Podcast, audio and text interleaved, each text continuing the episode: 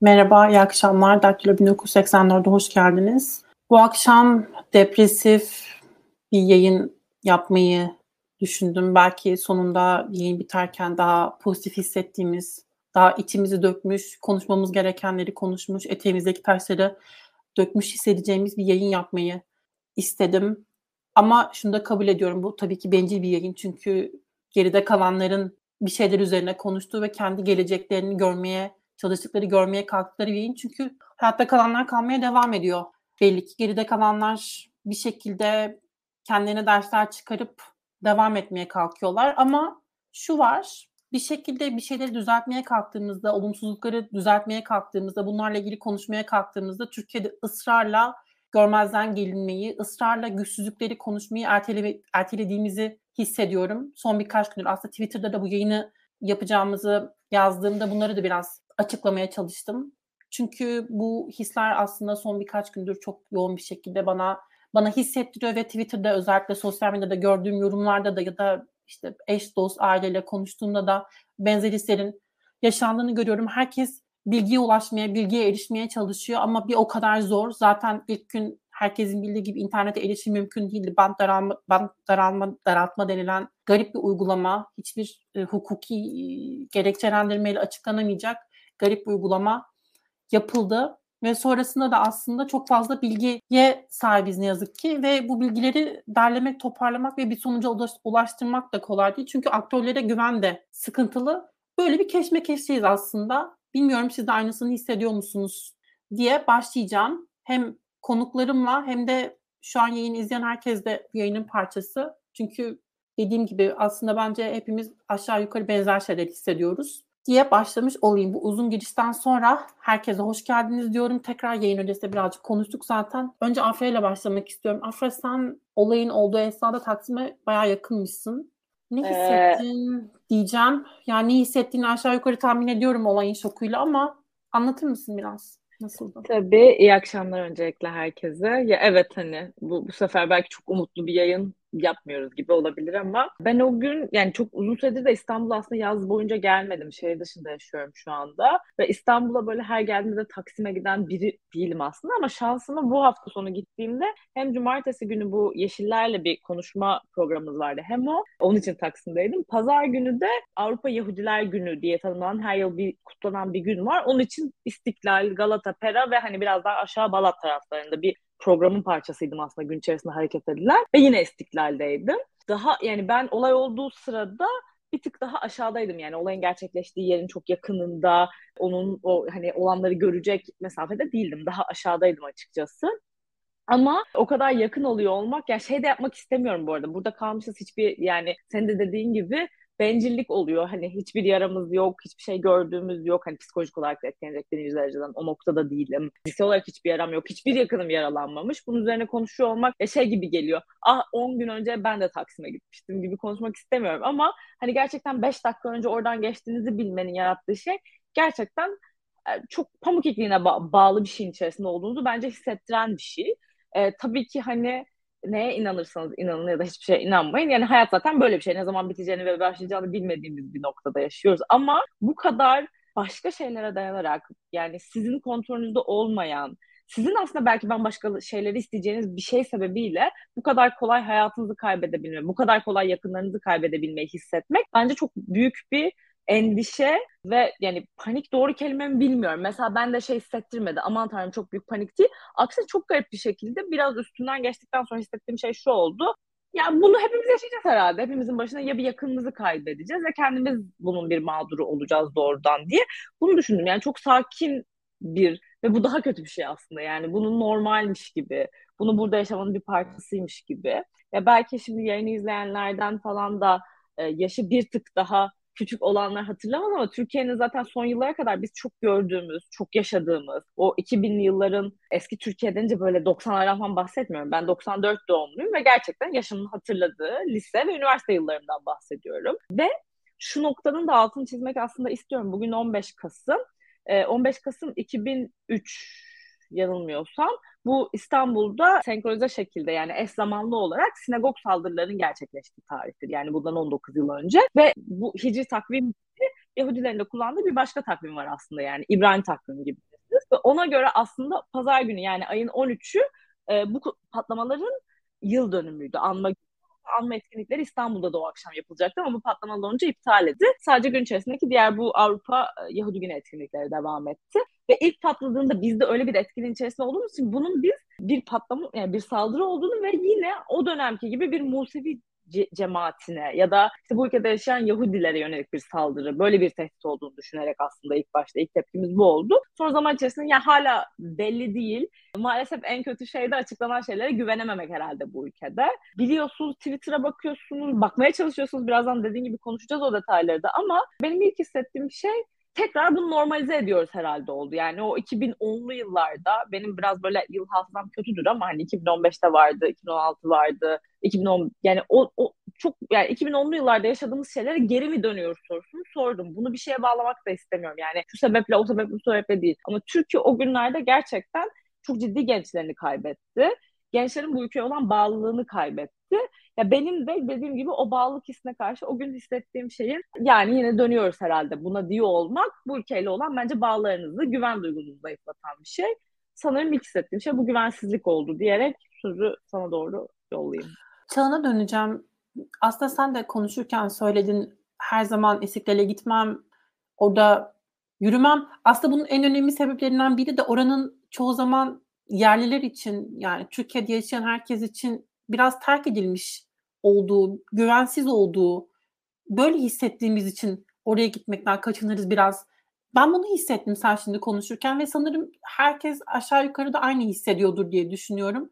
Çağın sen Ankara'da yaşıyorsun ama İstanbul'a gittiğinde Taksim'den, İstiklal'den geçmeye çalışır, çalışıyor musun? Yoksa ya ne olur burada da işim düşmesin, hani gitmeyeyim buraya diyebileceğin kadar güvensiz hissettiğin bir yer mi? Ve biz nasıl oluyor da Türkiye'nin Türkiye'nin en büyük kentinin en meşhur caddesi ni bu şekilde bırakabiliyoruz. Bilmiyorum sen neler hissettin bu saldırıyla ilgili? Ya aslında İstanbul'a yolum benim çok yakın zamanda düştü. Bu Liberal Gençlik Kongresi için bir yaklaşık bir ay önce İstanbul'daydım ve hani e, uzun süre sonra ilk defa gitmiştim aslında tam da bu bahsettiğim belki de yabancılaşma psikolojisini oldukça net bir şekilde hissettim.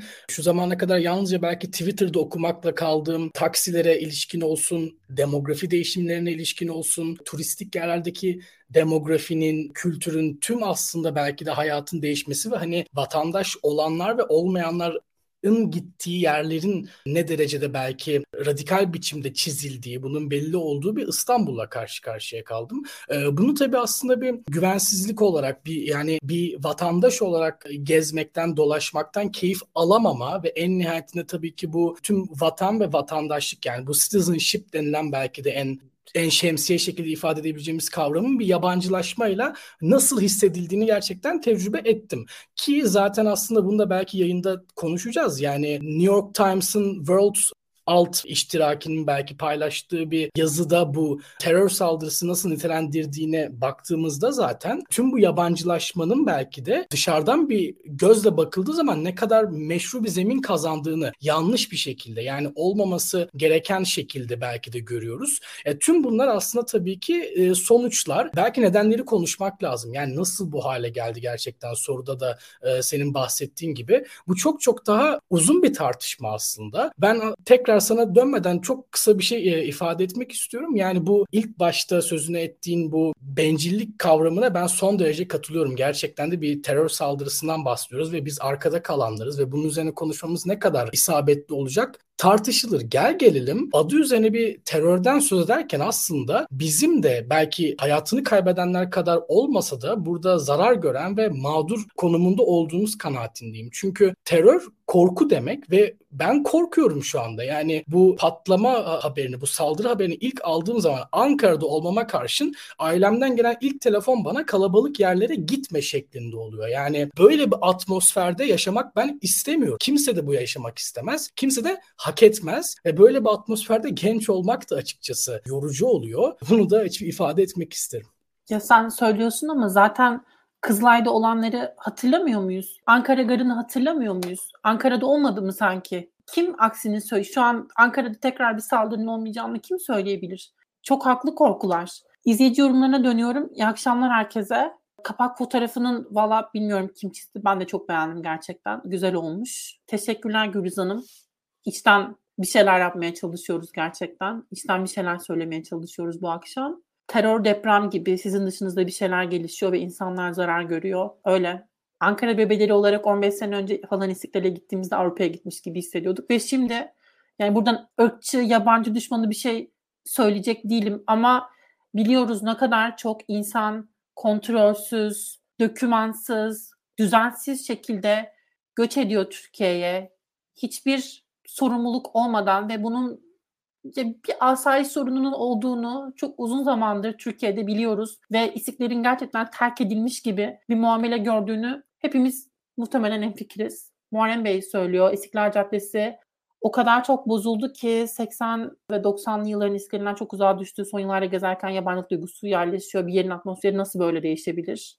Tabii şey de var yani alkol politikalarını konuşmayacağım belki ama hani bu Cihangir'de masalar kalktı mı kalkmadı mı? Ya bunları bunları bilmiyor muyuz sanki? Bunlar da tabii ki bununla alakalı. insanlar oradan uzaklaştırıldı aslında. Oranın yapısı değiştirildi. Bütün bütün bunların hepsi organize şekilde yapıldı. Bunların hepsini biliyoruz. Kadıköy'ün başına da aynısı gelebilir. Belki. Kim? Ya, bir de bir şey ekleyebilir miyim burada? Bu sadece gelen demografik yapan işte göçtür, kontrolsüz falan. Hani bunlara ek olarak şunu da demekte fayda var. Yani dünyanın her yerinde, siz Londra'da da Amerika'da da işte turistik bu kadar hotspot dediğimiz şehrin merkezinde belirli hayatın kalbine attığı yerlerde göçmen ya da işte yabancı sayısı fazla oluyor. Ama sorun şu ki öyle bir devlet, hukuk devletini işletirsiniz ki orada yapacağı hukuka aykırı davranış sebebiyle bu ülkeden gönderileceğini bilir ve yapmaz. Zaten aslında buradaki sorun ya Taksim'e çıktığınızda tacize uğradığınızda eğer gereken işlem yapılmıyorsa ya Türk ya da yabancı fark etmez. Çünkü bu sadece şey değil yani Taksim'in demografik yapısındaki değişiklik sadece bence göçmenler değil. Toplu taşımalar onlar buna erişimlerin artmasıyla çok daha yani bizim yani ülke içi göç ya da şehir içi göçle de gelen demografik yapı ve biraz önceden işte Avrupa sanardık gibi ifadesinin aksine ya herkes geleyim ben buraya aa tamam açık giyinmiş kadınlar var onları da taciz edeyim nasıl da bu ülkede bir şey olmuyor algısı Türk'te de yabancıda da olursa siz bunu yani önüne geçemezsiniz ve orası hiçbir zaman o eskisi gibi olamaz. Yani 2008'de 2009'da hani ben İstanbul'da yaşadığım için söylüyorum o yıllar 2009 2010 e, işte o ilk bu sandalye kaldırma kriziyle başlayan ve o Taksim'in yok olmasına diyeyim giden döneme kadar hani gerçekten cuma akşamları, cumartesi akşamları gittiğinizde genç pek çok insanın çok rahatlıkla alkol aldığı ve herhangi bir şeye uğramadan ve sonucunda diğer bir İstanbul sorunu olan taksi bularak evine dönebildiği medeniyet içerisinde bir yerdi. Yani aynı zamanda orada gayet alkolünü almayan daha muhafazakar kesimde aynı anda barınabiliyordu. Böyle bir sorun da bence yoktu. Ama şimdi çok garip bir yer haline geldi. Çok haklısın. Zaten alkol politikaları ile ilgili yani şehrin geri kalan hiçbir kısmında 16 milyonluk bir nüfustan bahsediyoruz kayıtlı ve kayıtsızlarla birlikte ne kadar olduğunu kestirmek güç. Böyle bir nüfus var ama bu nüfusa sahip bir şehirde alkol alabileceğiniz ruhsat mekan sayısı çok az. Zaten işte Cihangir'de, Beyoğlu'ndaki yerlere ekonomik olarak yeterli, maddi durumu yeterli olmayan insanların erişimi mümkün değil. Kadıköy'deler, İstiklal'in işte garip yerleri, kayıt dışılık vesaire bunların hepsi aslında böyle sistematik birbirini tamamlayan puzzle parçaları gibi. Hepsi bir arada ama buna yani ben tabii ki şeyi eklemek zorun yani öyle düşünüyorum. Burada gerçekten bir kayıt dışılık işte insanlar anlamında da var başka ülkelerden gelen ve bunun yarattığı ciddi bir kırılma var diye söyleyelim. İmamoğlu'na bugün banklar ve arsa ile ilgili sorular soruldu. Bugün konuşmayacağım ama zaman geçtikten sonra bazı şeyler açıklayacağım dedi. Neyi işaret ediyor? Ee, bunu da konuşuruz belki. Zaten İmamoğlu'nun Taksim'de verdiği fotoğrafları da konuşmak istiyorum birazcık. Ama şimdi Batuhan'a dönmek istiyorum. Batuhan'ı belki kısaca tanıtmak lazım izleyicilerimize. Batuhan e, Almanya'da siyaset yapıyor Hür Demokrat Parti'de. Liberal olarak nitelendirebileceğimiz FTP'de aslında Almanyalı ama şu an Fransa'da görevi icabı ve aslında Fransa'da da tam terör saldırılarının gün, e, yıl dönümüydü aslında Fransa içinde bir anma psikolojisi hakimdi. Belki onu da konuşuruz aslında ama biraz Batuhan'ın hem Fransa'da hem Almanya'da belki konunun ele alınışı, Türkiye'ye bakış bunlarla ilgili biraz o da şikayetçi. Belki kendisi anlatmak ister. Neler söylersin Batuhan? Sen neler hissettin ve nasıl değerlendirdin olan bir seni? Merhaba, iyi akşamlar. Teşekkürler evet. İpek. Dediğin gibi ben FDP'deyim yani Demokratik Hür Partisi'ne Onun da Gençler Kolu'nun merkez başıyım e, Berlin'de. Onun için biz siyasette orada da biraz aktifiz, biraz e, elimizden geçeni yapmaya çalışıyoruz. Biz Almanya'da 3. 4. kuşakta halen Türkçe konuşuyorsak, dinimizi yaşıyorsak Almanya'da veya Fransa'da, Avrupa'dakileri veya Almanları, Fransızları sevmediğimiz için değil, kültürümüz ve dinimizi korumak için yapıyoruz. Biz Avrupa'nın hep bir parçasıydık. Sadece geçmişi bakmamız lazım. Biz biz üzülüyorsak birlikte üzülmemizi bekliyoruz. Gerçekten yani biz bunu hem Fransa'dan hem Almanya'dan bütün Avrupa'dan biz onlar bizim bir parçası olduk. Onun için biz orada da aynısını aynı beklentiyi bekliyoruz. Eğer Fransa'da Paris'te bir terör saldırısı olduğu zaman biz nasıl diyorsak başınız sağ olsun geçmiş olsun aynısını karşı taraftan da bekliyoruz. Eğer bugün Paris'teki Champs-Élysées Caddesi'nde bomba patlasaydı bütün Avrupa ayağa kalkardı. Biraz o reaksiyon bize eksik kaldı gibi geliyor Almanya'dan veya Fransa'dan. Şimdi mesela Almanya olarak bir örnek verebilsem, Almanya'daki medya ma- maalesef bu olayları çok az haberlerde gösteriyor. Tabii ki Almanya'da olmadı bu, bu terör saldırısı. Ama Avrupa'da olsaydı medya bunları biraz daha çok gösterir. Ondan da bayağı eminim. Siyasetçilerden de burada birçok partilerden bu birçok partiler için geçerli. Çok az duyuyoruz. Terör suçsuzu, suçluyu ayırt etmiyor yani. Çoluk, çocuk, genç, yaşlı terör herkes buluyor. Berlin'de ve Paris'te dediğim gibi olan terör saldırıları İstanbul'daki saldırıdan değişik değil. Çifte standart orada olmaması ve her teröre saldırı aynı tutumu gösterilmesini gerekiyor. Onun için iki taraftan iki tarafın bu, e, burada geliştirme potansiyeli var yani bu krizden bir potansiyel biz görüyoruz. Hı hı. İki taraftan iki taraftan büyük bir güvensizlik de var. Almanya'da üç, dediğim gibi üçüncü, dördüncü kuşak olarak şu an güvensiz, güvensizliği nasıl yok edebiliriz? Avrupa'daki toplumda önemli bir rol oynaması, suçu olmamak ve saklanmamak gerekiyor ama entegrasyon tek yönlü değil. Avrupa Avrupa'da yaşamamız bize nasıl etkisi varsa bizim de Avrupa topluma etkimiz de var. Onun için arkadaşlarımız var, dostlarımız var, eşlerimiz var. Eski ırkçılığı arkaya bırakıp ve devamlı eli uzatalım diyorum. Özellikle bu ar zamanlarda yakınlaşalım. Beraber, beraber yani gerçekten beraber teröre karşı olduğumuzu gösterelim. Onu bekliyorum. Orada galiba bütün Almanya'da veya Avrupa'daki yaşayan Türklerde veya gurbetçilerde böyle bir beklentisi var şu an. Ve eğer Avrupa veya Avrupa Birliği, e, Birliği buna göre bir iyi bir reaksiyon gösterebilirse, yani güçlü bir reaksiyon gösterebilirse gerçekten vatandaşlar arasında yani Türkiye hem Türkler hem Türk olmayanların arasındaki bağlantıyı gerçekten artırabilir. Afra sana dönmek istiyorum. Muhtemelen çevrende senden yaşça büyük insanlar vardır ama zaten ailenle de muhtemelen sohbet etmişsindir, konuşmuşsundur. Onların reaksiyonlarını düşündüğünde, olaya bakışlarını değerlendirdiğinde sen genç olarak hislerinin farklılaştığını, olaya tepkilerinin farklılaştığını hissettin mi? Onlardan daha farklı bir tutum aldığını hissettin mi? Yani kendi anne babam bakımından açıkçası bence benzer bir noktadayız. Yani şey onlara da şu tepkiyi verdi. İlk başta tabii ben orada olunca onlar başka bir şehirdeydi. Hani orada mısın, neredesin, ne zaman nasıl çıkacaksın, nasıl gideceksin, araban nerede? Hani ilk başta verilen panik ama hani artık oradan çıkıp iyi olduğumu bildikten sonra e, ya hepimizdeki tepki onlarınki de benimki de bugün de bunu atlattık. Hani bugün pas geçtik gibiydi. Ama daha yaşça büyüklere yani belki işte ne bileyim bir tık daha belki büyükler ya da belki biraz daha farklı benden daha farklı düşünenlere döndüğümde bence daha yaşı büyük olanlar işte uzak or, toplu yerlere gitme, şunu yapma. Bu eğilime daha çok düşüyorlar. Yani hani ben kişisel olarak ya bilmiyorum ben mi hani farklılaşıyorum ama o kadar alt edemeyeceğimiz bir şey olduğunu düşünüyorum ki yani ne yapayım? Hani buradan kaçayım metroya bineceksin işte uçağa bineceksin havalimanına gideceksin. Hani nereye kadar neyden kaçacağını bilmediğin bir şey olduğu için ben hani bugün bunu atlattık ve devam etme şeydeyim ama hani biraz e, biraz şeyi kastediyorum aslında. Yani şimdi olan biten bir şeyler var. Bilgilere bilgi akışına güvenmiyoruz, siyasete güvenmiyoruz bir şekilde. Bilmiyorum senin ailen ya da çevren ya da senden yaşça büyükler aynı mı hissediyor ama bir yanıyla da şey yok mu? Mesela bilmiyorum biz daha daha ümitli değil miyiz geleceğe dair? Daha sorunların çözülebileceğini, terörün ortadan kalkabileceğini biraz daha inanmıyor muyuz? Dünyanın daha iyi bir yer olabileceğine ya da Türkiye'nin birçok anlamda gelişme kaydedebileceğine daha inanmıyor muyuz? Ama sanırım bizden büyükler biraz daha burası hep böyleydi ve hep böyle gidecek gibi bir hissiyata kapılabiliyorlar. Sen bu ayrışmayı hissediyor musun? Aslında biraz daha onu merak ediyorum.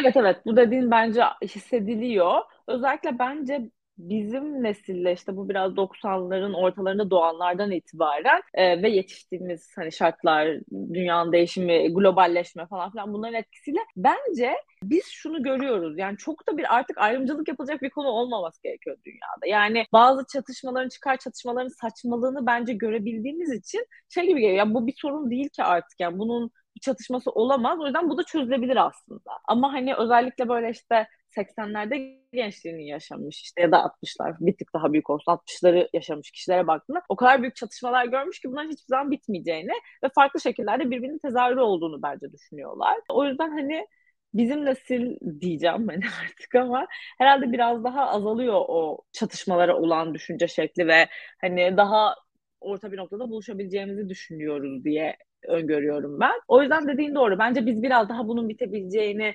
öngörüyoruz. Yani bu şey gibi Türkiye'deki işte başörtüsü sorunu örnek vereyim. Yani hani terörle tam alakalı bir konu olarak değil ama hani artık zaten aslında yeni nesilde böyle bir konu gerçekten kimse böyle diğer ayrımcılıkların işte ırka dayalı o yüzden terörün bitebileceğine başka şekillerde çözülebileceğine inanan bir nesil bence ortada var ama bu ne kadar realize olur çünkü bu da birazcık sınanıyor gibi geliyor bana zaten ondan sonra işte ülkeden kaçışlar başlıyor. Daha bir tık yaş büyüklere baktığında o umutsuzluklarını bence en yansıtan şeylerden biri şu. Ya zaten gidin ya hani burada niye kalacaksınız ki? Kalmayın. Hani sen de opsiyonlarına bir bak.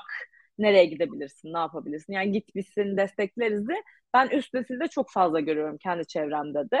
Ama hani bizim nesilde de şöyle bir şey de çok var. Ya bu iyidir kötüdür işte hani bir kısmımız yurt dışındayız bir kısmımız Türkiye'deyiz burada bile. Hani ya olabiliyorsa burası iyi olsun ve neden burada kalmayalım ki yani hani burada doğduğumuz, burada belli bağları yetiştirdiğimiz yerde. Böyle sınırlı katasın gelmiyor mu bazen? Yani bu benim kimliğim, burada olmak, burada doğdum, burada büyüdüm. Bir şekilde Türkçe ana dilim olarak konuşuyorum ve buranın daha iyi olmasını istiyorum. Benim fikirlerimi de yansıtabilsin istiyorum diye böyle benim hep bağırasım geliyor bilmiyorum. Ama evet. değişmiyor işte o değişmemin verdiği bir hayal kırıklığı da var sürekli hissettiğimiz. Çağına döneyim belki birazcık bilmiyorum sen biraz daha bir şey söyleyeceksen özür dilerim Afra böldüğüm için ama bir yandan da süreyi dengelemeye çalışıyorum. Ya evet, evet.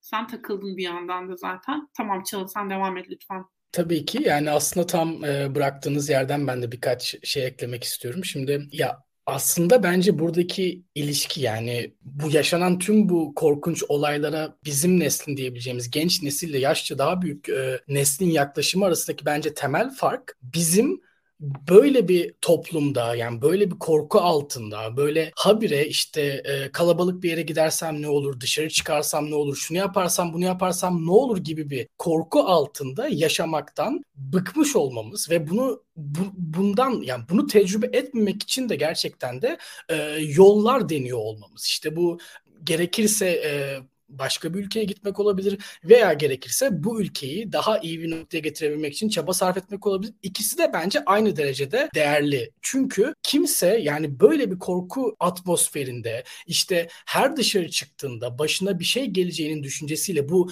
toplumsal bir şey de olabilir, bireysel bir suç da olabilir. Yani Türkiye'de bireysel suçlar da işte e, taciz olsun ve e, yani cinayet olsun, e, kasten yaralama olsun bunlar da ciddi derecede artış gösterebilir gösterebiliyor. E, toplumsal felaketler de e, artış gösteriyor. Şimdi hal böyle olunca yaşadığımız yerin daha iyi olmasını ve daha iyi hayat şartlarında bizim e, günlük pratiklerimizi belki tecrübe ediyor olmamız en doğal ihtiyaç. Ama yaşça daha büyük e, artık vatandaşlar için bu ihtiyaca verilen önem bence daha az oluyor. Yani şunu söyleyebiliyorlar ya bir süre sokağa çıkmayı ver, bir süre arkadaşlarına gezmeyi ver, bir süre konsere gitmeyi ver. Ama ben yani konsere gitmek istiyorum, arkadaşlarımla gezmek istiyorum, kız arkadaşımla dışarı çıkmak istiyorum. Yani bunu yapamayacaksam eğer ne anlamı kalıyor diye sormak gerekiyor bana kalırsa. Ve biz bunu yapabiliyoruz. Yani bizim nesil bunu yapamayacaksam ne anlamı kalıyor o zaman diye sorabiliyor. Bu da bence zaten değişimin işareti. En azından bir şeylerin uzun veya kısa vadede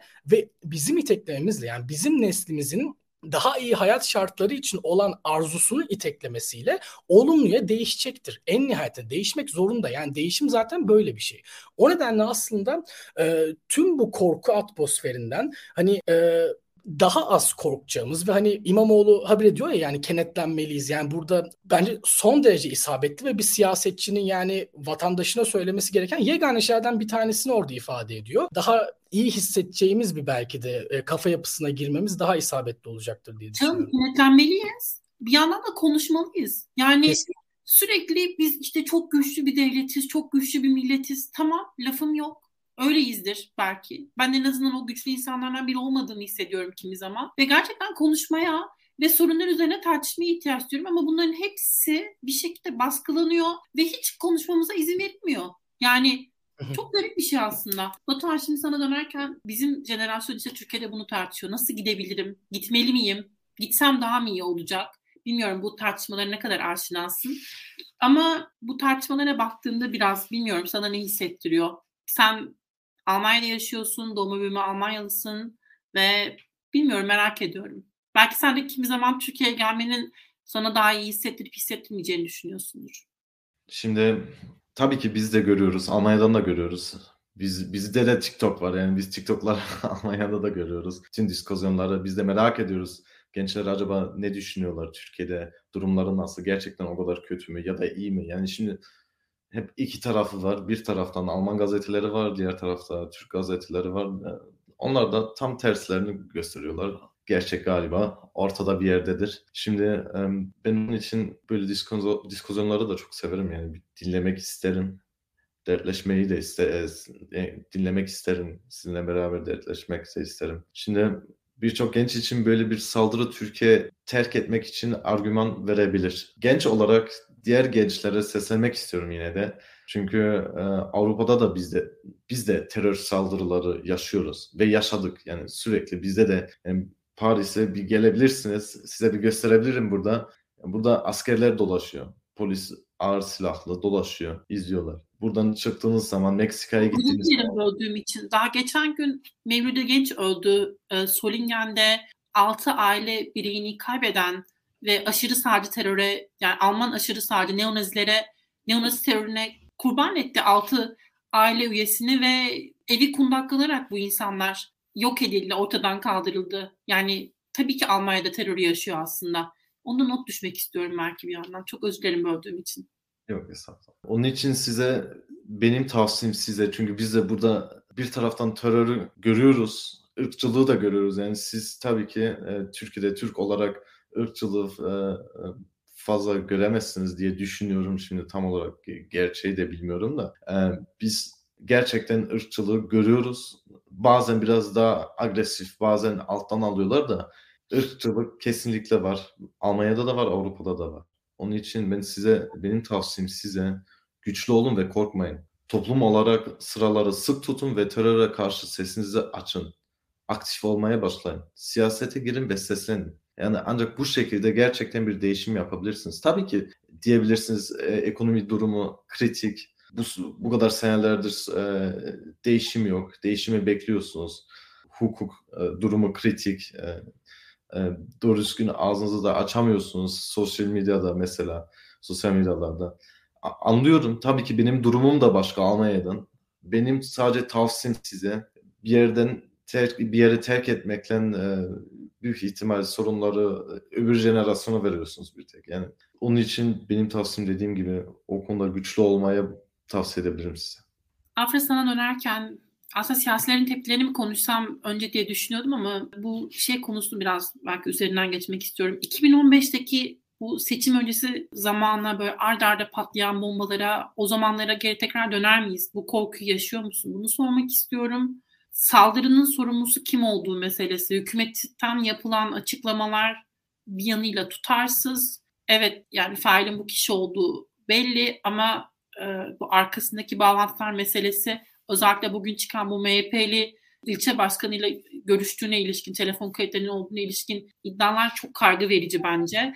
Ve bir yanıyla da işte Amerika Birleşik Devletleri'ne parmak sallandığını gördük İçişleri Bakanı ve hükümet ortağı Bahçeli tarafından ama bir yanıyla da G20'de verilen e, fotoğraflar bugün Erdoğan ve Biden bir aradaydı ve Erdoğan gayet güleç e, gözüküyordu aslına bakarsak. Bu durumda bunlar ne hissettiriyor? Yani ne oluyor gibi hissediyor musun? Ne hissediyorsun?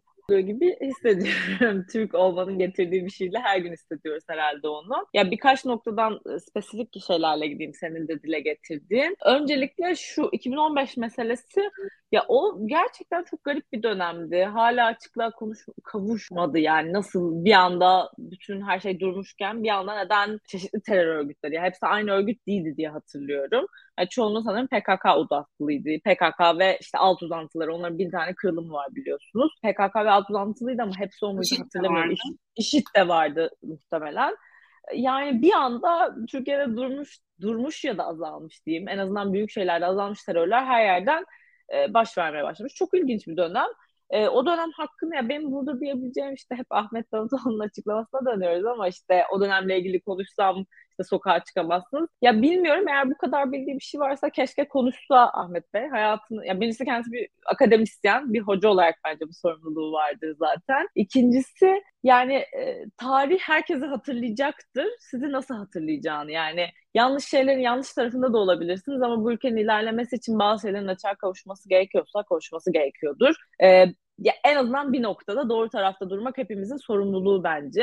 E, ya doğrudan kendisinin bir sorumluluğu var değil ama sorumluları ortaya çıkarabilecek bir gücü ve bilgisi varsa kimin varsa yapmalı. Yani bu o dönemin emniyet müdürleri olabilir, istihbarat amirleri yani bilemiyorum artık hani gerçekten bunu tahayyül de edemiyorum. Devlet bürokrasisine çok da hakim biri değilim. Çalıştığım bir şey değil ama keşke bu konuda fikri olan herkes şu an konuşabilse e, yani özgür bir ülkede bu konularda çok özgür bir ülkede değiliz. Bazı şeylerde devlet sırrıdır. Bu da ayrı bir konu güvenlik açısından ama keşke bazı şeyler açıklığa kavuşsun. Çünkü onları bilmediğimiz zaman maalesef şu an bir terör eylemiyle e, yani küçümsenmeyecek de bir terör eylemi yani 6 tane can kaybı olan çok ciddi çok sayıda insanın yaralandı. Yüze yakın insan yaralandı. Bunların hani hastanede hala durumu ağır ve yatanları var. Bu kadar ciddi bir terör eylemiyle ilk karşılaştığımız anda refleksiniz eskiye döner miyiz oluyor. Bence her o dönemi yaşamış insanın düşünebileceği bir şey bu. Ya böyle ekşide benim yaşıtlarım hatırlar. Ekşi sözlükte şey başlığı vardı yani. Toplu bir yerde canlı bombayı nasıl tespit edersiniz, nasıl anlarsınız? İşte şey vardı, iklime uygunsuz kat kat giyinmiş. İşte ya kış ayındayız onu pek ayırt edemeyiz bence. Şey falan derlerdi, İslamik örgütlerse işte böyle hacı misli gibi kokular sürüyorlarmış. Çünkü ölünce cennete gideceklerini düşünüyorlar. Cennete güzel kokuyla. Hani ne yapacağız yani sokakta hacını süren herkesten koşarak mı kaçacağız falan diye düşünüyorsun. O dönem çok böyle bence toplum psikolojisini çok bozan bir dönemdi. Umarım dönmeyiz ama bundan tedirgin olmakta haklıyız. Çünkü o dönem açıklığa kavuşmadı benim açımdan en azından. Yani benim atladığım bir şey varsa bilen açıklasın tabii ki. O yüzden ee, ne denir? Ve daha çok gizemle devam ettik o döneme. Çünkü seçim, iki tane seçim oldu o dönemde ve seçim sonuçlarının ne kadar değiştiğini ve sonuçların bir şekilde AK Parti tekrardan iktidara taşıdığını gördük tek başına. Böyle bir dönemden evet, yani Aynen şu anda da seçim senesindeyiz artık yani. Hani bir yıldan az bir süre kaldı. Zamanında yapılsa dahi yani yapıl yapılmalı tartışma o da apayrı bir konu ama zamanda yapılsa dahi bir yıldan az bir süre içerisindeyiz şu anda. Ve buradaki yani tekrar bu ben şunu algılayamıyorum. Gerçekten bu belki siyaset bilimini ya da sosyoloji psikoloji kim açıklar bilmiyorum ama ya ben şehrin göbeğinde patlayan bir bombanın mevcut iktidar nasıl yarayabileceğini gerçekten okuyamıyorum. Çünkü benim oy verme stratejimde mevcut bir iktidar var. Şehrin ortasında bomba patlıyor ve bunu engelleyememiş. Hani e, ve hani buna yol açan politika, sınır güvenliği bilmem bunların hepsi bir paket olarak bunun patlamasına sebep olmuş. Ben bunu niye mevcut iktidara oy vereyim ki bunun karşısında? O yüzden hani şey okumasını da yap, yapıyorum gibi anlaşılmasın yani. Aa bunu iktidara yarayacak diye yapılmıştır, engellenmiş. Böyle bir şey düşünmüyorum. Bana çok saçma geliyor. O dönem bu olmuştu. Yine bu mu olur bilmiyorum. Ee, umarım bu müferit bir olaydır. Gerçekten bir şekilde denk gelmiştir ama bugün e, bir yerde işte zamanın istihbaratçılarından Hanefi Avcı'yı bir yerde demeyeyim Cüneyt Özdemir'in yayınında hani kaynak vermiş olayım. Hanefi Avcı'yı bir kısmını dinleyebildim tamamını bitiremedim ama ya şey diyorlar e, çok uzun süreli bir eylem aslında bu. Ben daha önce böyle biraz tarikatlar, canlı bomba eylemleri falan üzerine yabancı birkaç belgesel izlemiştim. Hep derler ki bomba bırakma eylemlerini ya da canlı bomba olan kişiler örgüte daha yeni alınan ve hızlı kandırılan kişiler olurmuş. Çünkü yani yaptığın şeyin sonuçta hani bir çatışmaya girmek gibi değil bu gerçekten yani bu saldırılar. O yüzden hani böyle anladığım kadarıyla Türkiye'ye giriyor. Yani devletin verdiği bilgiye dayanarak bu arada bunu söylüyorum. Şu ana kadar verilen bilgiler Afrin'den geçmiş, Suriye sınırından Türkiye'ye girmiş kaçak olarak oradan yani Güneydoğu Anadolu'dan İstanbul'a kadar geliyor. İstanbul'da ev tutuyor, bir yerde çalışıyor. Karı koca gibi işte böyle sanırım tutmuşlar anladığım kadarıyla. Hani sonuçta şu bir gerçek. Dünyanın her türlü büyük ülkesinde, Türkiye'de bunlardan biridir. Uyuyan hücreler var. Her yerde terör hücreleri vardır. Uyuyan ya da aktif olmayı bekleyen. Şimdi işte bu siyasetçilerin tepkileri bir anda İmamoğlu'nun bilmem kaç ay önce mi, yıl önce mi ne olduğunu bilmediğim e, saksı koymayla ilgili videoları aktive oluyor. Sanki o saksıymış onun suçu gibi. Ya ne alakası var siz? Canlı bomba yollarsın yine patlatırsın patlatacak adam. Sizin ya sahaya inmiş bence kişisel olarak yani terör uzmanı değilim e, ama sahaya inmiş bir yani bombayı durduramazsınız gibi geliyor bana. Yani onu patlatacak olan patlatır. Önemli olan hücre evinden çıkmadan sizin onu durdurmanız. Önemli olan sizin onu ülkeye girmesini. Ve işte bu MHP telefon konuları falan da şey oldu. Yani hala söylüyorum ben bunu terörist de dahil olmak üzere herkes için söylediğim için ki bu seferki olayda önemini gördük. Masumiyet karinesi herkes için var. Yanlış söylüyorsam zaten Zafer Partisi üyelerinden biri hatta üst seviye yöneticilerinden biri bir avukatı ismiyle zikrederek hedef gösterdi ve kadın anladığım kadarıyla ciddi tehdit alıyor. Telefonları bulunuyor, işte akrabaları aranıyor. O yüzden hani masumiyet karesini koruyarak ben burada MHP il ilçe başkanı tam olarak ünvandan da emin değilim ama e, kendisini kesinlikle suçlamıyorum. Ama burada şöyle bir zafiyet hatası var yani. Zaten Böyle... kendisi yaptığı açıklamada yani yalanladı e, şey olduğunu yani tuzak kuruldu. Benim telefonumla işte kimliğimle açılmış falan dedi ama tabii bu iddiaları elbette konuşacağız yani. Bunların hepsi ta- yani tartışma şey. Buradaki nokta bana şu geliyor yani. O kadar güvenmediğimiz bir ortam oluştu ki ya onu diyor diyorsun yok bu gerçek değildir bu açıklama. Yani şimdi o zaman sizin kriminoloji bilimine yatırım yapacaksınız. Bunu nasıl yapacaksınız bilmiyorum. Ama sizin hukukçunuzdan istihbaratına, işte polisine, jandarmasına neyse yani teröre dahil olacak bütün birimlerde e, çok ciddi bir kriminoloji biliminin olması gerekiyor. Modern, yani bunu işte ceza hocaları çok söyler aslında. Modern devletlerde siz delilden faile ulaşırsınız. Ya biz işte bir telefon numarası bulduk. Aradığı HTS kayıtları çıkarılmış. E bu bilmem nere hangi partinin bilmem ilçe başkanı biz onu getirdik sorduk hayırdı. Ya böyle bir şey olabilir mi? Şimdi sen bir bir kayıt birinin adına çıktıysa önce o telefon hattının alındığı yani GSM operatörünü bulmak herhalde devlet için çok zor değil. Bunun alındığı belge yani burada herkes hat açmıştır.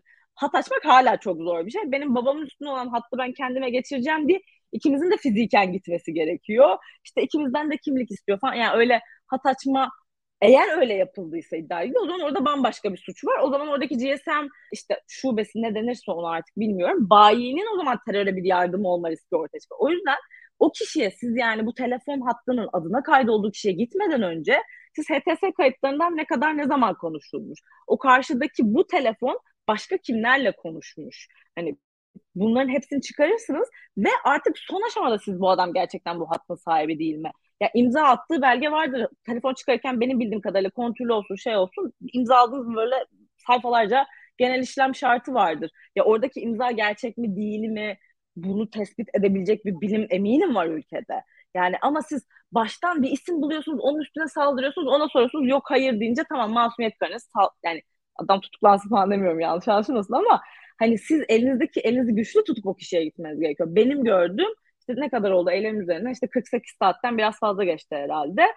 Hani bu iş bana sorarsanız böyle yapılmaz. Yani ben terör uzmanı değilim ama hukuk bilimi açısından bakıyorum. Hukuk da sonuçta buna dair olan bir. Bu şekilde yapıldığında biz bir şeyleri elden kaçıyoruz. Evet ne yazık ki bu saldırıyı yaşadık.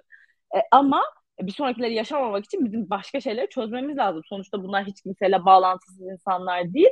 Son olarak da şu e, işte hükümet kanadındaki tepkilere geliyorum. Süleyman Soylu zaten hani çok uzun zamandır hükümetten ayrık açıklamalar yapan ve hani belli duruşları olan bir bakanımız kendisi. Ee, o yüzden yani onun o çıkışını çok fevri buluyorum. Bir devleti bir terörle suçlamak bence çok uygun bir şey değil diplomatik olarak. Şimdi Erdoğan'ın e, gezisi bakımından işte çeşitli eleştiriler var. Oraya gitti havalimanından indi işte yerel danslarla karşılanıyor falan hani daha neşeli bir tören. Ya oradaki hatayı ben kesinlikle Cumhurbaşkanı'nda bulmuyorum. Bence orada ama dışişlerinin çok büyük bir hatası var. Ee, dışişlerinin protokol e, memurları vardır. Yani sizin bir konferansta nereye oturacağınız, kimden sonra gideceğiz, kimin eli nasıl sıkılır. Bütün bunlar dışişleri hala çok arkaik işler. Ha, ben kişi olarak severim bu arada böyle işlemesini. Bence bu kurallar bir şıklık katıyor. Ya siz hani Erdoğan uçağa binerken bu saldırı olmuştu kaç saat uçuş bilmiyorum ama sizin oradaki Endonezya'daki e, karşı tarafla iletişime geçip bakın biz bir yaz halindeyiz, bir terör saldırısı oldu bir saat içerisinde.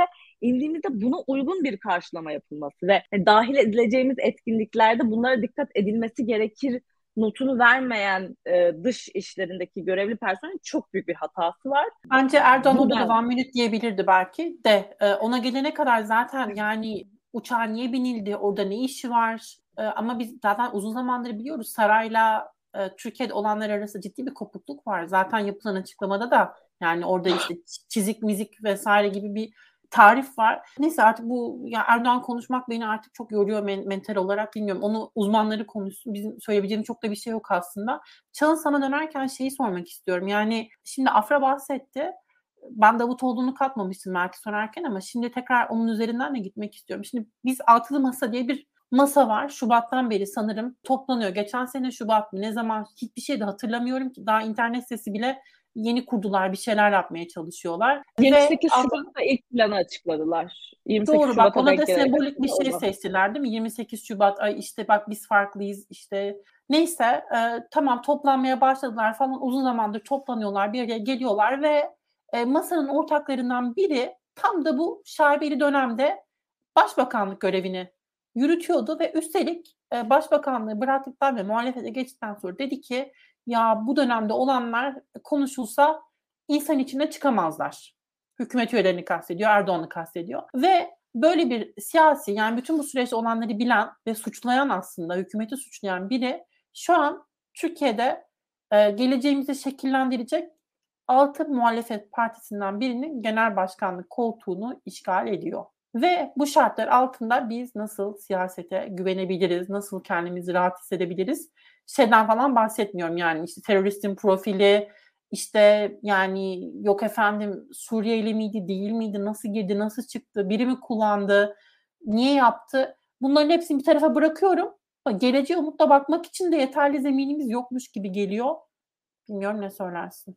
Ya aslında benim aklıma e, iki ihtimal geliyor. Yani Ahmet Davutoğlu gibi bir figürün altılı masada olması. Şimdi ilk bu masa kurulduğu zaman da bu tartışmalar e, ortaya atılmıştı. Yani bir başbakanlık yapmış veya gerçekten son derece şaibeli başbakanlık yapmış bir isimden bahsediyoruz. Nasıl bir siyasi değişim geçirirse geçirsin hani bu artık şey yani sen başbakanken gerçekleştiren bazı fiiller var ya belki bazı suçlar var ve hani o dönemin artık başbakanısın sen ve buna göre bir e, hesap verilebilirlik, bir sorumluluk ortaya çıkması gerekir adli surette olmasa bile en azından siyasi surette yani bunun vatandaş böyle bir soruyu soruyorsa eğer bu sorunun siyasi yansıması da altılı masa içerisinde olmalıydı. Ama o dönem mesela altılı masanın işte ileri gelen yani CHP ve İyi Parti yani bu konuda belki vatandaşı teskin edecek bir açıklama yapmaktan bile imtina ettiler. Hala aynı şekilde e, bir durum söz konusu. Yani tabii ki meseleyi yalnızca Ahmet Davutoğlu'na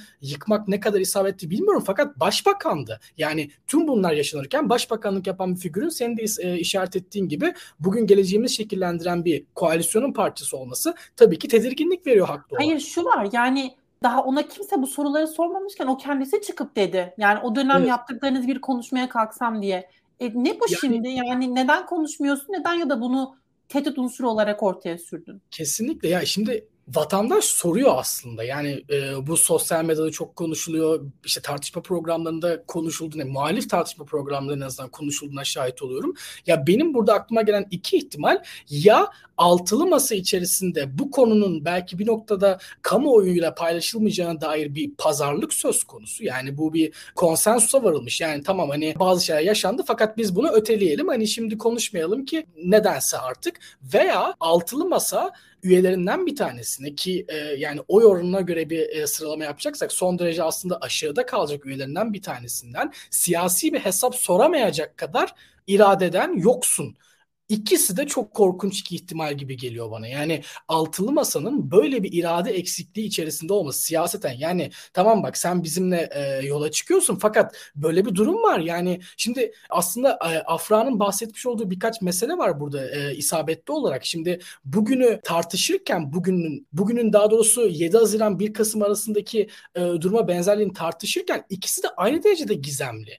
Bugün bizim için daha işte yaşanalı, yaşanalı 48 saat olmuş veya olmamış ne kadar gizemliyse o süreç de 2015'teki o süreç de o kadar gizemli. Ve bunu aslında ortaya çıkartacak, bu gizemi kaldıracak tek bir kişiye de, e, tek bir kişi değil tabii ki fakat muhalefetten tek bir kişiye de muhalefet hesap soramıyor. Ya bu korkunç bir durum gibi geliyor bana bir e, seçmen olarak ve açıkçası benim güvenimi altılı masaya dair daha da azaltan etkenlerden bir tanesi oluyor maalesef.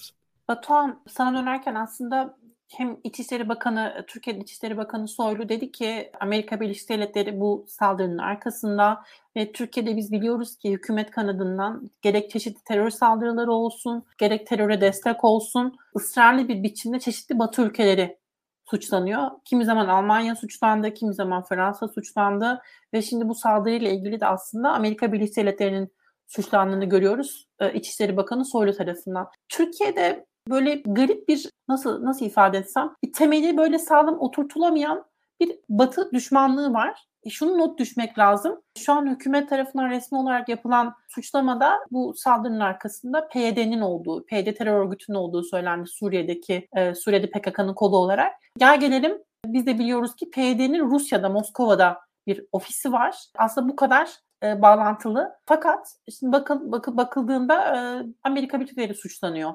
E, bu Türkiye'deki Batı düşmanlığı meselesi sende ne uyandırıyor? Sen katılıyor musun Batı'nın bu terör saldırısının arkasında olduğuna ya da burada tabii şey eleştirileri de var yani PYD'ye silah sağlamak, YPG'ye silah sağlamak, bu IŞİD'le yapılan çatışmalar döneminde belki bunları genel olarak baktığında nasıl değerlendiriyorsun sen ve aslında belki Almanya perspektifinde biraz aktarabilirsin bize. Şimdi ben kendim Alman parlamentosunda çalıştığım için savunma komitesindeyim. Yani işçi olarak. Şimdi ben kendim de %100 tabii ki bir nece bir cevabı o şekilde veremem. Ee, bu şekilde nasıl nasıl bir cevap verebilirim?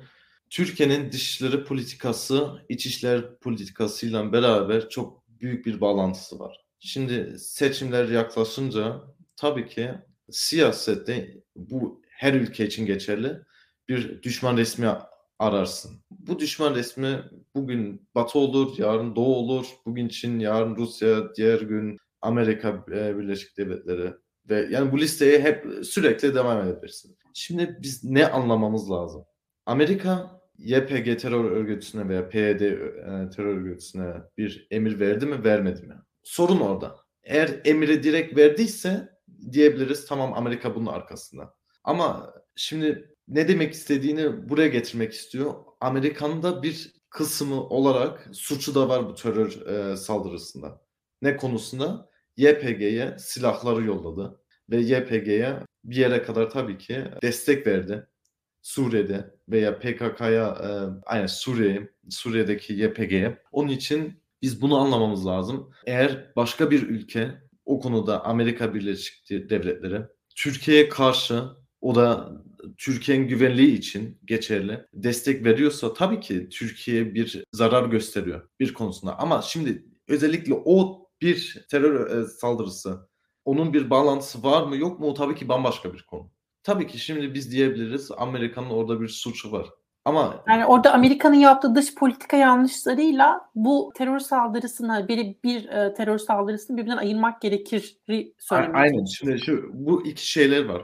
Ondan hariç başka bir e, maalesef bir sorun var. Siyasetçiler e, genel olarak seçimden seçime düşünüyor. Ne demek istiyorum o konuyla? Biz bugün Batı'yla birleşikiz. Yar, yarın öbür gün önümüzdeki seçimler değişirse veya da, durum daha kritik olursa siyasette bir sonuç %100 netleşmezse biz siyaseti yine değiştirebiliriz. Bu uluslararası normal bir şey. Yani Almanya birkaç e, yani tarihte, geçmişte kaç kere e, dışişler politikasını da değiştirdi. Başka ülkelere de karşı yani Fransa'ya karşı mesela yüzler e, yüz yıllarca savaş etti, savaş etti. Ne yaptı? Bir gün dedi boş boşuna savaş ediyoruz. Beraber daha güçlüyüz. İşte Türkiye'de o şu an o durumda şu an. Daha geleceği var. Daha bilmiyor. Sağa mı gidecek, sola mı gidecek? Çünkü dünya değişiyor şu an. Rusya'nın Ukrayna'yı e, saldırması dünyadaki siyaseti değiştirdi.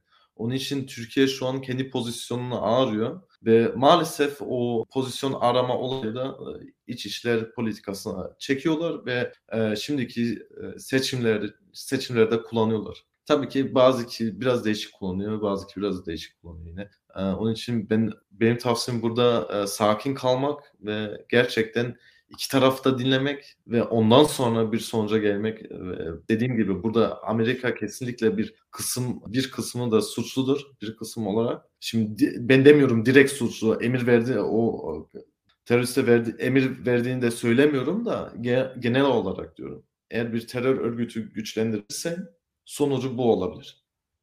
Zaman çok daraldı. O yüzden böyle e, sona doğru hızlanmak istiyorum. İki şey var Afra sana sormak istediğim. Birincisi e, New York Times'ın istiklalle ilgili attığı tweet. Onunla yayınla ilgili yayından önce birazcık konuşmuştuk. Onu bir sormak istiyorum. Bir de e, teröristin yüzünün hali muhtemelen polis tarafından, kolluk e, kolluk tarafından fiziksel müdahalede bulunulduğu e, biraz düşünülüyor ve bu insan hakları açısından problemli ve sen anayasa hukukçusu, anayasa hukukçusu olarak belki bununla ilgili bir şeyler söylersin.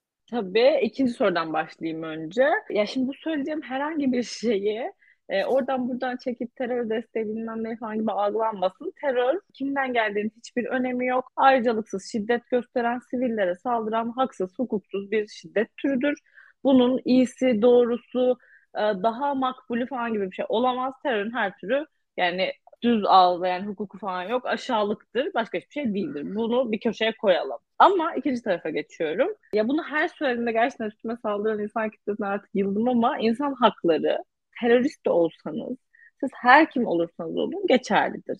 Nitekim idam cezası da bu yüzden artık modern devletlerde kabul edilmeyen, yaygınlar kabul edilmeyen bir ceza şeklidir. Yani insan hakları, insan onuruna aykırı şeyleri siz suç ne olursa olsun yapamazsınız kimseye. Şimdi burada e, teröristin yakalanma anı var ve bu sırada bir dar, darbe hali olabilir tabii ki bir terörist yakalıyorsunuz. O sırada çekilen görüntüler var ve zaten bu arada e, bir tık da insan hakları sebebiyle kamera altına alır o görüntüler. Sadece halka servis edelim de halk mutlu olsun değil. Hayır, biz olması gerekeni yaptık. Bu Amerikan polisi de şu göğüs e, eşiğinde kamera taşır bu tarz operasyonlarda. Biz olması gerekeni yaptık. Bu sırada yaralanabilir, e, çatışma çıkıp vurulabilir, yaralanabilir, ölebilir karşıdaki e, fail olduğu iddia edilen kişi.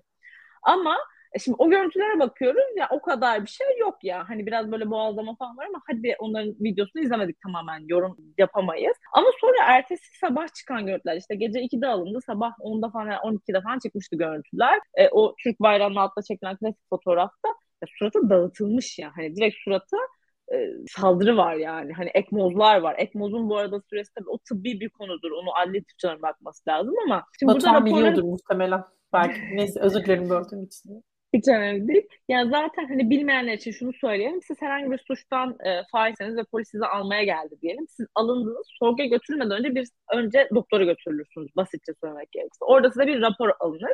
Ve sonrasında da siz atıyorum mesela polisten çıktınız e, hakim karşısına çıkacaksınız. Yine rapor alınır. Ki sizin her aşamada bunların amacı nedir? Saldırıya uğramadığınızı, işkence görmediğinizi. Bunun adı işkencedir kamu görevlisinin yaptığı e, şiddetin. Yani Şimdi burada birkaç konu ortaya çıkıyor. Birincisi zaten insan hakları bakımından yapamaz. İkincisi zaten siz almışsınız yani kadın fail. Yani hani e, polis gözetimi altında. Yani onu, onu içeride dövmenize gerçekten gerek yok. Anlıyorum. E, bunu mesela atıyorum senin, benim, onun, bunun yani sivil insanın eline düştüğünde biz istemsizce ne yapabiliriz bilmiyorum. Halkın eline verseniz ne yapabilir bilmiyorum. Ama polis bunun eğitimini alan insan. Bunu yapmamakla mükellef. Sabırlı olmak zorunda. Bir de şu var yani bak bu kadar iade talebinde bulunuyoruz İsveç'e, e, Amerika Birleşik Devletleri'ne. Bu insanların iade edilmesinin en önemli e, edilmemesinin en önemli sebeplerinden birisi burada işkenceye uğrama ihtimalleri. Yani biz hukuk devletinde ne konuşuyoruz aslında? Bu insanlar özgürlükten evet. mahrum bırakıp bırakılabilirler. Ötesi yok. Ötesi başka Kesinlikle. bir devlet olmak olur. Kesinlikle buna katılıyorum ve diğer bir şeye geçersek biraz önce dedim ya kriminoloji kriminoloji buna biraz kafa yoranlar yani hukukçular da bilir adli tıpçıların da hakim olduğu bir konudur. Ee, psikologlar da aslında parçasıdır. Ya siz birine işkence ederek aldığınız bilgiden çok da bir hayır çıkmaz yani. 80 darbesinde o insanların nerelere götürüldüğü bilinmeksizin öyle ifadeler alındı ki 80'lerde yani insanlar artık olmadı yapmadıkları alakaları olmayan her şeyi itiraf ettiler. Ya bundan sonra ortaya da çıktı. O yüzden aslında işkence etmemek doğru bilgiye ulaşmak ve bizim bundan sonraki terör eylemlerini engellememiz açısından da önemlidir. Yani devleti de yani devlet derken kamu güvenliğini de koruyan bir şeydir. O yüzden işkencenin hiçbir türüne lütfen kimse e, masum gözle bakmasın. Bunu yapmaya ihtiyacı yok. Yani gerçekten öyle böyle eleştiriyor olabiliriz ama gerçekten Türk devleti büyük bir devlet. Türk bürokrasi güçlü, Türk polisi gerçekten güçlü. Elinde her türlü imkan var.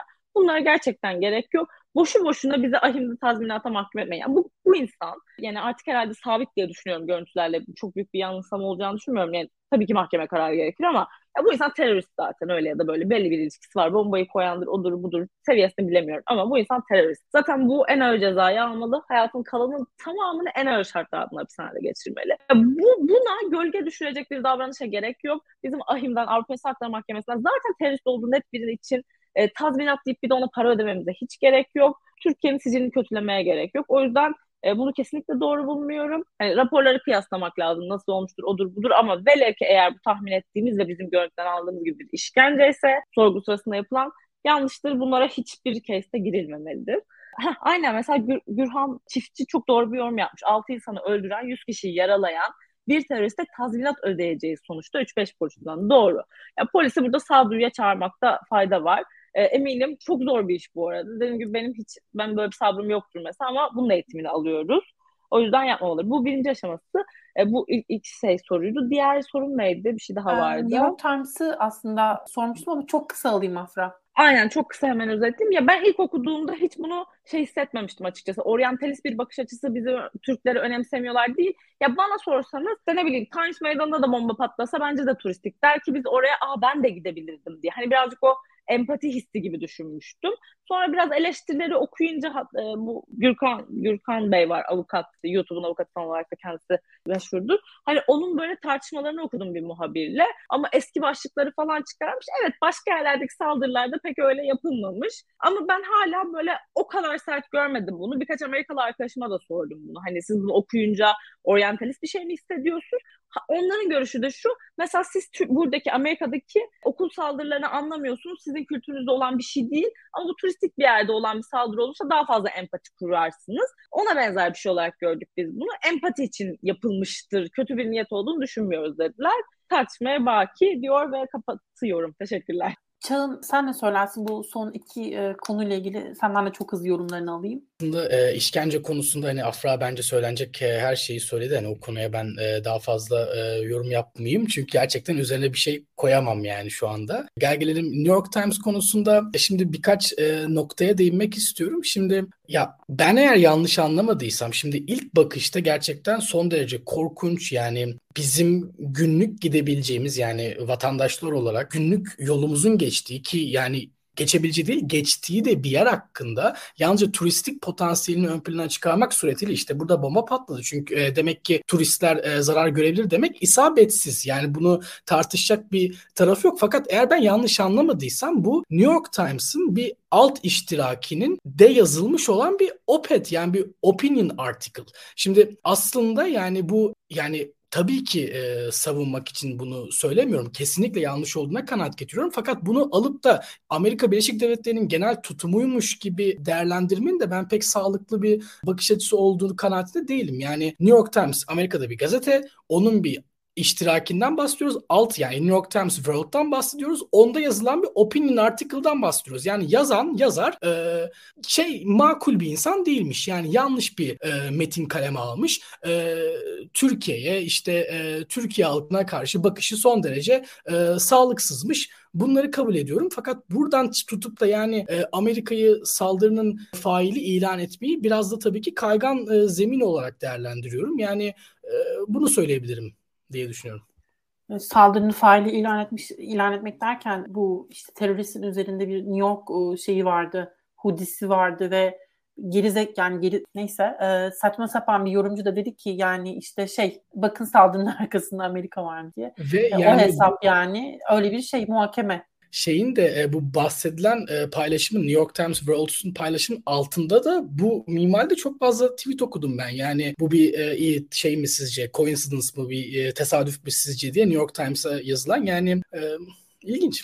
Ya bir de şimdi konuşurken aklıma geldi. E, şimdi sen alkol politikalarını çalıştığın için bir yanda alkol politikalarında bu alkolde aşırı vergilendirmenin nasıl bir e, uyuşturucu bataklığına da aslında yol açtığını hep konuşuyorsun, hep yazıyorsun ve e, bu işte teröristin bu MHP ilçe başkanı ile ilişkin işte telefon görüşmesi yaptığına ilişkin bazı iddialar konuşulurken şey denildi. Acaba bir uyuşturucu ticaretiyle ilgili bir bağlantı mı söz konusu? Tabii bunların hepsi iddia tırnak içinde. Şey e, böyle bir iddianın da konuşulduğunu biliyoruz. Türkiye'de uyuşturucu bataklığı meselesi de ayrı bir konu. Onu da Kılıçdaroğlu aslında gündeme getirdi bir, bir iki hafta önce sanırım. Ve bu da aslında alkoldeki aşırı vergilendirme ile ilişkili. Yani hani e, kimileri diyor ya işte alkolde ne önemi var vergilendirisi ne olacak canım hani siz de içmeyi verin. Yani bu e, içmeyi verinler, yapmayı verinler, şöyleler böyleler nasıl aslında sonuçlara bağlanıyor. Şimdi zaman gerçekten çok daraldı. Batuhan'a döneceğim ama Batuhan'ı bu son iki soruyla sıkıştırmak çok istemiyorum. Çünkü onlar biraz daha Türkiye'de bizim e, konuştuğumuz daha tırnak içinde özgün konulardı. Senin son yorumların varsa Batuhan onları çok kısaca alabilirim belki yayını kapatmadan önce. E, söylemek istediğin birkaç şey var mı belki birkaç cümle? Yani ilk sor- soruya pek fazla bir şey demem gerek kalmaz zaten. E, ikinci soruya bir şey eklemek isterdim. Bence biraz duyarsız bir paylaşma. Yani Aha. bence orada mühim olan suçsuz sivil burada canını kaybetti, ağır yaralandı. Bence burada gerçekten mühim olanlar, e, mühim bilgiler o. Şimdi tabii ki e, Opin'in Opin'in de e, argümanını da kabul ediyorum bir taraftan. Ama odak noktası terör mağdurlarından olması lazımdır. Yani onun için ben benim düşünmemden hangi gazete olursa olsun bu Avrupa için de geçerli. Ben burada görüyorum çünkü buradaki gazeteciler şu konuyu çok az gösterdiler. Gösterdiyseler yani şimdi ana ana gazetesi var Almanya'da devlete ait Tagesschau diyen bir e, gazeteci, gazetesi. Şimdi o bu patlama olduktan sonra bu saldırı oldu olma, e, olduktan sonra iki saat sonra ne yazdılar? Erdoğan terör nefesi aldı. Yani böyle biraz saçma geldi bana. Yani bilgi olarak ilk... İlk anda bu kadar keskin bir başlıkla çıkmak daha elinde veri olmadan değil mi? Aslında çok iddialı yani. Hemen Erdoğan'ın sorumlu olduğunu söylemek evet. belki çok sıkıntılı. Ve ırkçı aslında belki de yani okuyuculara hiç e, şans bile vermiyor bir anlasın ne oldu. Bunu e, Avrupa'da olsaydı, Fransa'da bir patlama olsaydı bambaşka gösteriş olacaktı. Bütün dünyada, Amerika'da, Almanya'da, Avrupa'da, he, Türkiye'de bilen. Yani biz böyle bir tabii ki burada da gazeteciler olurdu. E, yanlış yazardılar ama şimdi ana gazetecileri diyorum. Onlardan bahsediyorum. Ama Batuhan bir de biz yani Türkiye'de o kadar böyle sıkıntılı e, ifadeler kullanıldı ki Türkiye'de işte darbe girişimi olduktan sonra ya bu da ne kadar işte e, bizim işlerimizi kolaylaştırdı gibi siyasilerden özellikle hükümet cephesinden gelen açıklamalar. O yüzden bir yanıyla da Almanya'daki gazetede kızmak çok zor bizim için. Çünkü biliyoruz yani Türkiye'de bu tür sıkıntılı durumlardan sonra hükümetten böyle çok garip e, hazmetmesi mümkün olmayan ve siyasi çıkarları için olumlu olduğuna dair açıklamalar duyduk. Belki biraz bunun da payı var aslında. Biz kendi kendimize yaptık yani yaptığımızı. Ee, Tabii bilmiyorum. Ki. Yani benim açımdan bir gazete her seferinde her konuda tarafsız olması gerekiyor. Bir gazetenin ana amacı ne? Bilgiyi de bilgiyi A'dan B'ye getirmek. Şimdi bir gazeteci bunu akıllı bir şekilde az akıllı bir şekilde e, değiştirebilir. Bilgiyi alır, göstermez, değişik gösterir. Şimdi gün sonu bilgi yani vatandaşa hangi bilgi geldiği bir e, gazetecinin çok güçlü bir pozisyonda olduğunu e, bilmesi gerekiyor. Onun için bir gazeteci benim açımdan tarafsız kalması gerekiyor. Ama e, bu tarafsızlık ne Türkiye'de var ne de Türkiye'nin dışında var. Onun için benim galiba öyle bir tarafsızlık da mümkün de değil. Ama en azından böyle bir denemek lazım. Yani eğer diyorsak diyorsak Türkiye NATO'da Türkiye bizden biri. Yani biz Türkiye'yi koruyacağız. Ona rağmen de bizim gazetecilerimiz de ona göre de yazsalar daha faydalı olur. En azından olduklarını tarafsız bir şekilde gösterseler her tarafa daha çok yardım ederler. Ayrımcılık yoksa daha git gide git gide daha çok daha daha çok Şeyde de haklısın. Yani e, şimdi insanlarla bir de yapılan haberlerin sadece başlığını okuma eğilimi çok arttı ve kimi zaman çok fazla insanın haberin içeriğini detaylarını okuyacak ve bunları muhakeme edecek zamanı da yok ve 6 kişinin ölümünden sonra direkt Erdoğan'ı suçlayan bir başlık belki orada aslında bir sıkıntıyı ve empati de sıkıntı yaratıyor ve empatiyi aslında Türkiye'deki insanlarla empati kurmayı da güçler güçler güç hale getiriyor diyelim. Son olarak Cihat Bey'in yorumu var. Siz de içmeyi verin çok büyük hadsizlik ya sana ne abi. İşte zaten mesele bu yani mesele çağınla işte Maya'nın, Afra'nın gidip de işte Cihangir'de içmesi değil hiçbir zaman. Bunun çok katmanlı bir yönü var alkol politikalarının. Bunu da hep konuşmaya devam edeceğiz. Bunu da son olarak ekleyeyim. Afra, Çağın, Batuhan çok teşekkürler değerli yorumlarınız için. Yayının sonrasında ben kesinlikle daha iyi hissediyorum. En azından biraz eteğimizdeki taşları dökmüş gibi hissediyorum. Umarım siz de benzer hislerdesinizdir. Ee, izleyenler de çok teşekkür edelim. Lütfen yayını beğendiyseniz e, beğen butonuna basmayı, paylaşmayı unutmayın. Yorumlarınızı lütfen aşağıda paylaşın. Herkese çok teşekkürler tekrar. İyi geceler.